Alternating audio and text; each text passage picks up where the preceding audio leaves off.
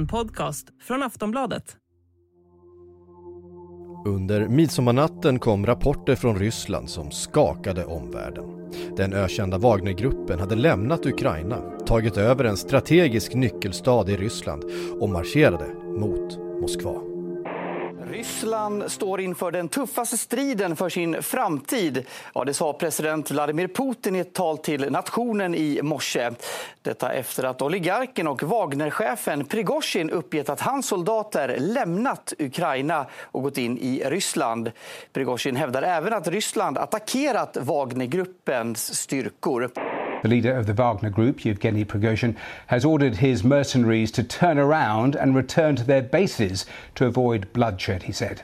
A huge convoy had been heading towards Moscow in what Vladimir Putin had described as an attempted mutiny.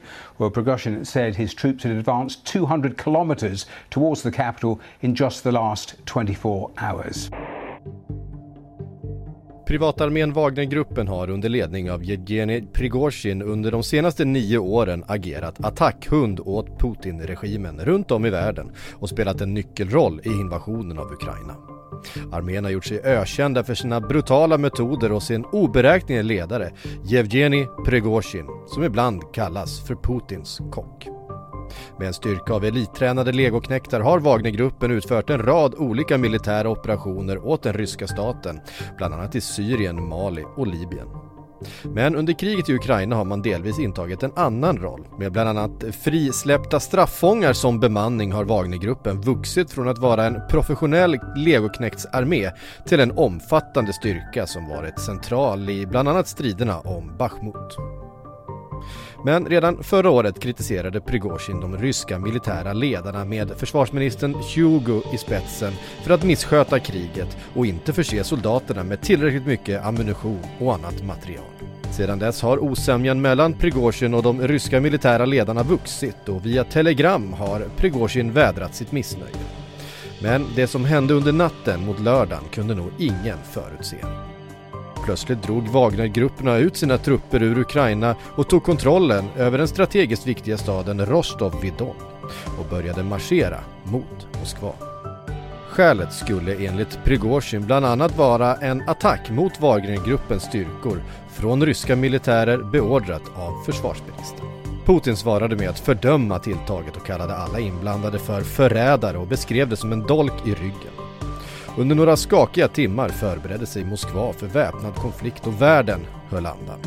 Bilder på hur en rysk attackhelikopter skjuts ner av Wagnergruppen fick många att spekulera i ett stundande inbördeskrig innan Belarus president Lukasjenko meddelar att han lyckats förhandla fram ett avtal med Prigozjin som i sin tur vände konvojen och drog sig tillbaka. För att reda ut vad vi vet av vad som egentligen hände och vad det här omtumlande dygnet kommer få för vidare effekt har vi Wolfgang Hansson, utrikespolitisk kommentator här på Aftonbladet. Intervjun gjordes klockan 10 på söndagen och vi ska börja med vad det senaste vi vet är. Ja, det är att han ska vara på väg till Belarus där han har fått en fristad eh, hos eh, diktatorn Alexander Lukasjenko som ju eh, medlade här mellan, mellan Putin och Prigozjin och, och fixade till en deal eh, där Prigozjin blev benådad av, av Putin och eh, fick fri lejd till Belarus. Om vi då backar bandet 36 timmar ungefär till eh, midsommarkvällen eller midsommarnatten. Vad var det egentligen som, som hände där och då? Ja, det var ju plötsligt så eh, drog sig ju eh, Wagnergruppen ur Ukraina och eh, marscherade istället in i Ryssland och intog eh, staden Rostov vid Don som är en eh, minionstad och dessutom högkvarter för eh, eh den ryska militära eh, planeringen och anfallet i, i Ukraina. Eh, och det gjorde man uppenbarligen utan att eh, Eh, möta något motstånd överhuvudtaget. Eh, och därefter så sa eh, Prigozjin att eh, han tänkte marschera mot Moskva ifall eh, eh, inte försvarsministern Shoigu och, och några andra ur militärledningen eh, kom till honom och, och, och, svarade på frågor varför de Wagnergruppen hade fått för lite ammunition och vapen och så vidare eh, under den senare delen av kriget. Ja, du, kom ju också anklagelser om att, att ryska styrkor skulle ha anfallit och angripit Wagnergruppen. Har det kunnat bekräftas? Ja, alltså det, det var ju, är ju vad Prigozjin påstår. Eh, och det är ju inte helt ovanligt i krig att eh, man bombar sina egna av misstag. Så om, om det var någon slags eh, medveten handling eller om det var ett misstag, det, det är ju väldigt svårt att veta. Eh, men uppenbarligen så hade Prigozjin redan känt sig så motarbetad av den ryska försvarsledningen eh, att han drog slutsatsen att eh, nu, nu, nu var det nog, liksom. nu var han tvungen att, att agera. Och dessutom var det ju så att försvarsministern hade några veckor tidigare krävt att alla de här fria arméerna, så att säga, privatarméerna, skulle eh, gå in i den ryska reguljära armén och skriva kontrakt med, med försvarsdepartementet. Och det såg ju Prigozjin som ett sätt att eh, plocka bort honom ifrån Wagnergruppen och, och eliminera honom helt och hållet från kriget. Ja, för det har ju funnits uppgifter om att eh, delar i alla fall av den ryska militära ledningen har velat plocka bort Prigozjin tidigare. Det har ju funnits, rått i stort sett en öppen konflikt mellan Prigozjin och försvarsministern till exempel, som har pågått ganska länge. Ehm, det tror vi väl inte att vi har sett slutet på i och med det här, eller? Nej, det finns inget som tyder på det. Jag menar, konflikten har ju handlat om att han inte tycker att, alltså Prigozjin tycker inte att kriget har förts på rätt sätt och han tycker att eh, hans styrkor inte har fått den hjälp av försvaret och den utrustning som, som eh, man har och därför har en massa soldater dödats helt i onödan. Eh, och vad nu Prigozjin kommer att göra ifrån eh, Belarus, det vet vi ju inte, men jag har svårt att tänka mig att han kommer att sitta där och vara tyst och overksam. Eh, så att det återstår ju att se lite grann hur, hur det här kommer att utvecklas, den här konflikten mellan Prigozjin och den ryska försvarsledningen. Under den här eh, rättvisans marsch som Prigozjin kallade då, den här eh, eh ja, truppförflyttningen mot Moskva helt enkelt, så gick ju Putin ut och hårt fördömde, eh, kallade Prigozjin och de övriga i Wagnergruppen då för, eh, för förrädare, det var en, eh, en dolk i ryggen. Ehm, för att senare helt lägga ner då brottsmisstankarna mot Prigozjin och de övriga i Wagnergruppen. Hur påverkar det här egentligen den ryska ledningens anseende? Ja, så det, det är ju helt klart att Putin är väldigt försvagad som ledare. När man som han då först kallar en person en förrädare och ger order om att likvidera honom och mindre än 24 timmar senare säger att alla anklagelser är nedlagda och, och Wagnergruppen är välkomna att eh, bli en del av den ryska armén. Eh, då vittnar ju inte det precis om något stort ledarskap. Eh, så att för alla, både inom Ryssland och utanför Ryssland, så, så framstår ju nu Putin som en väldigt försvagad ledare. Och många måste ju fråga sig hur länge kan han sitta kvar egentligen? Eh, och var det så att Prigozjin kanske hade Eh, stöd inom delar av den ryska maktapparaten som gjorde att han överhuvudtaget vågade göra den här marschen mot Moskva. Eh, det är ju väldigt mycket som fortfarande är obesvarat i det här. Vi, vi har ju väldigt liten insyn i Kremls innersta krets och hur det funkar där och vem som gör vad. Och därför är det väldigt svårt att, att, att, att veta vad som händer och hur, hur stark ställning Putin fortfarande har. Eh, Prigozjin var ju en som öppet då ifrågasatte eh, Putin här nu på slutet, även om han inte mm, direkt utmanade honom. Men de flesta andra har ju inte vågat göra det, men det är ju uppenbart när kriget har gått så dåligt nu under lång tid att det måste finnas ett väldigt stort missnöje inom makteliten runt Putin med hur det går och att det finns olika eh, krafter och, och strömningar om, om, vad man ska göra nu för att, för att eh, antingen få slut på kriget eller föra det på ett mer framgångsrikt sätt. Aftonbladet Daily är strax tillbaka. A lot can happen in the next three years. Like a chatbot may be your new best friend. But what won't change? Needing health insurance. United Healthcare Tri Term Medical Plans are available for these changing times. Underwritten by Golden Rule Insurance Company, they offer budget friendly, flexible coverage for people who are in between jobs or missed open enrollment. The plans last nearly three years in some states, with access to a nationwide network of doctors and hospitals. So, for whatever tomorrow brings, United Healthcare Tri Term Medical Plans may be for you. Learn more at uh1.com. I samband med att Prigozjin beordrade sina styrkor att flytta in i Ryssland och rikta sina vapen mot Kreml så riktade han också en rad anklagelser mot regimen. Förutom att anklaga dem för att ha attackerat och dödat ett stort antal av hans soldater så menar han att hela kriget är byggt på lögner.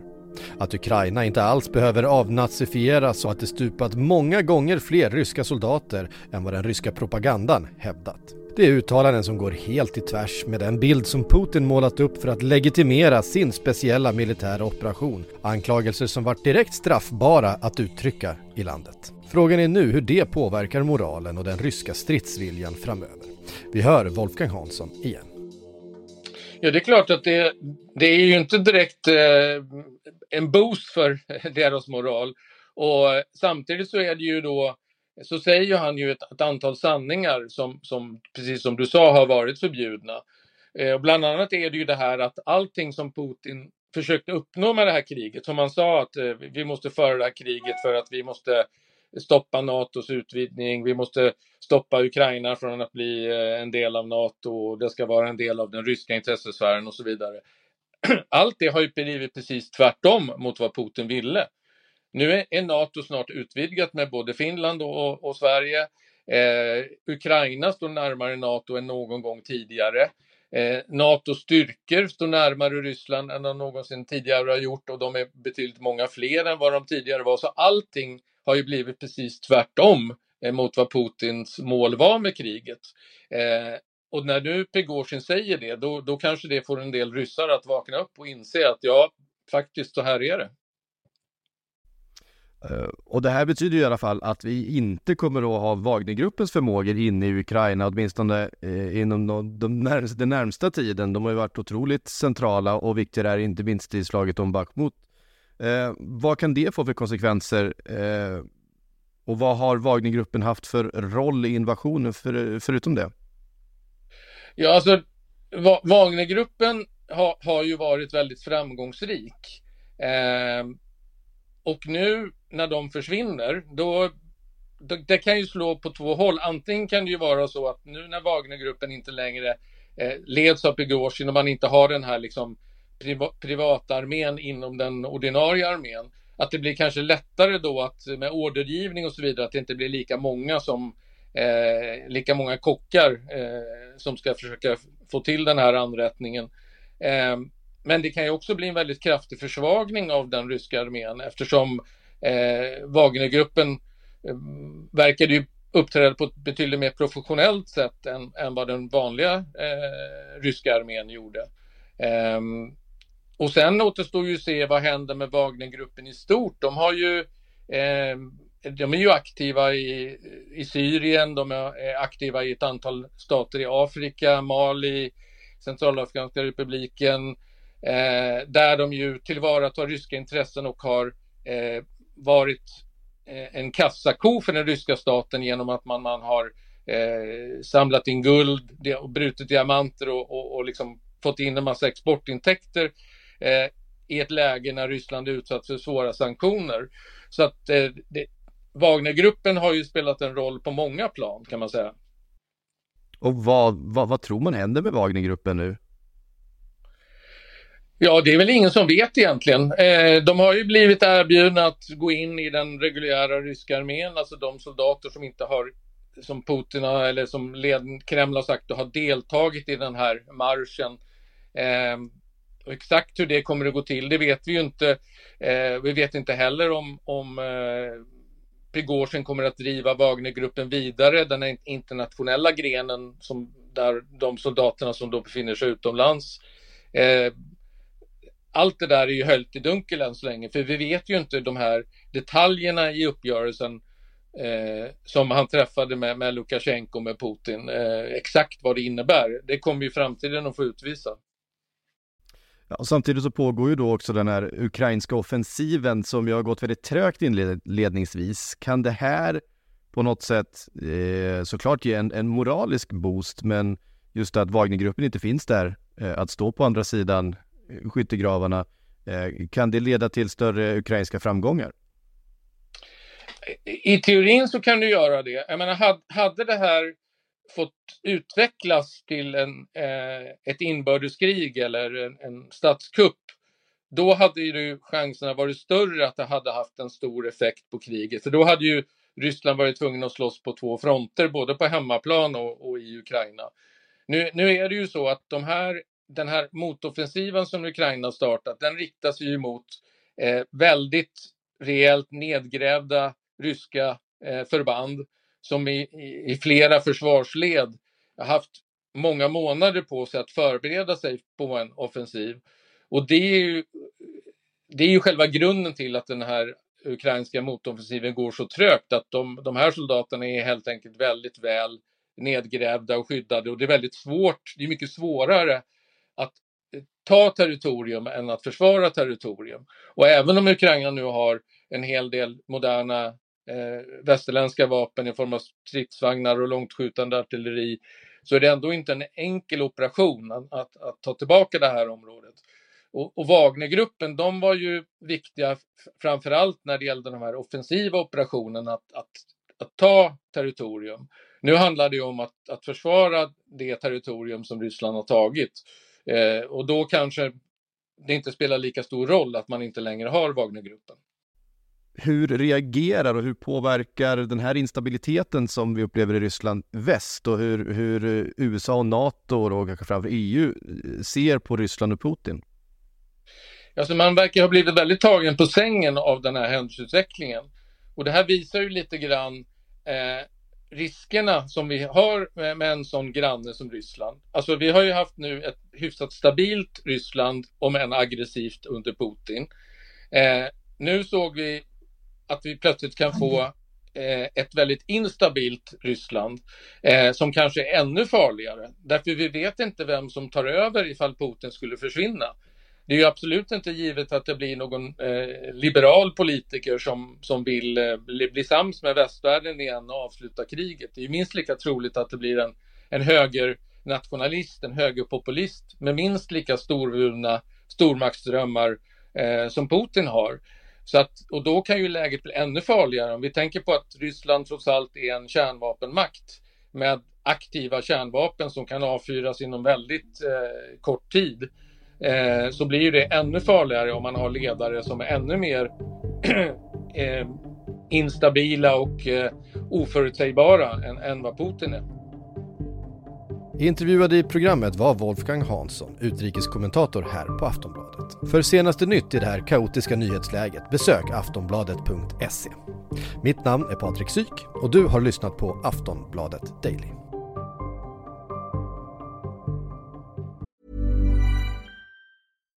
Here's a cool fact. A crocodile can't stick out its tongue. Another cool fact, you can get short-term health insurance for a month or just under a year in some states. United Healthcare short term insurance plans are designed for people who are between jobs, coming off their parents' plan, or turning a side hustle into a full time gig. Underwritten by Golden Rule Insurance Company, they offer flexible, budget friendly coverage with access to a nationwide network of doctors and hospitals. Get more cool facts about United Healthcare short term plans at uh1.com. Du har lyssnat på en podcast från Aftonbladet. Ansvarig utgivare är Lena K Samuelsson. Tired of ads barging into your favorite news podcasts? Good news. Ad-free listening is available on Amazon Music for all the music plus top podcasts included with your Prime membership. Stay up to date on everything newsworthy by downloading the Amazon Music app for free or go to amazon.com slash news ad free. That's amazon.com slash news ad free to catch up on the latest episodes without the ads.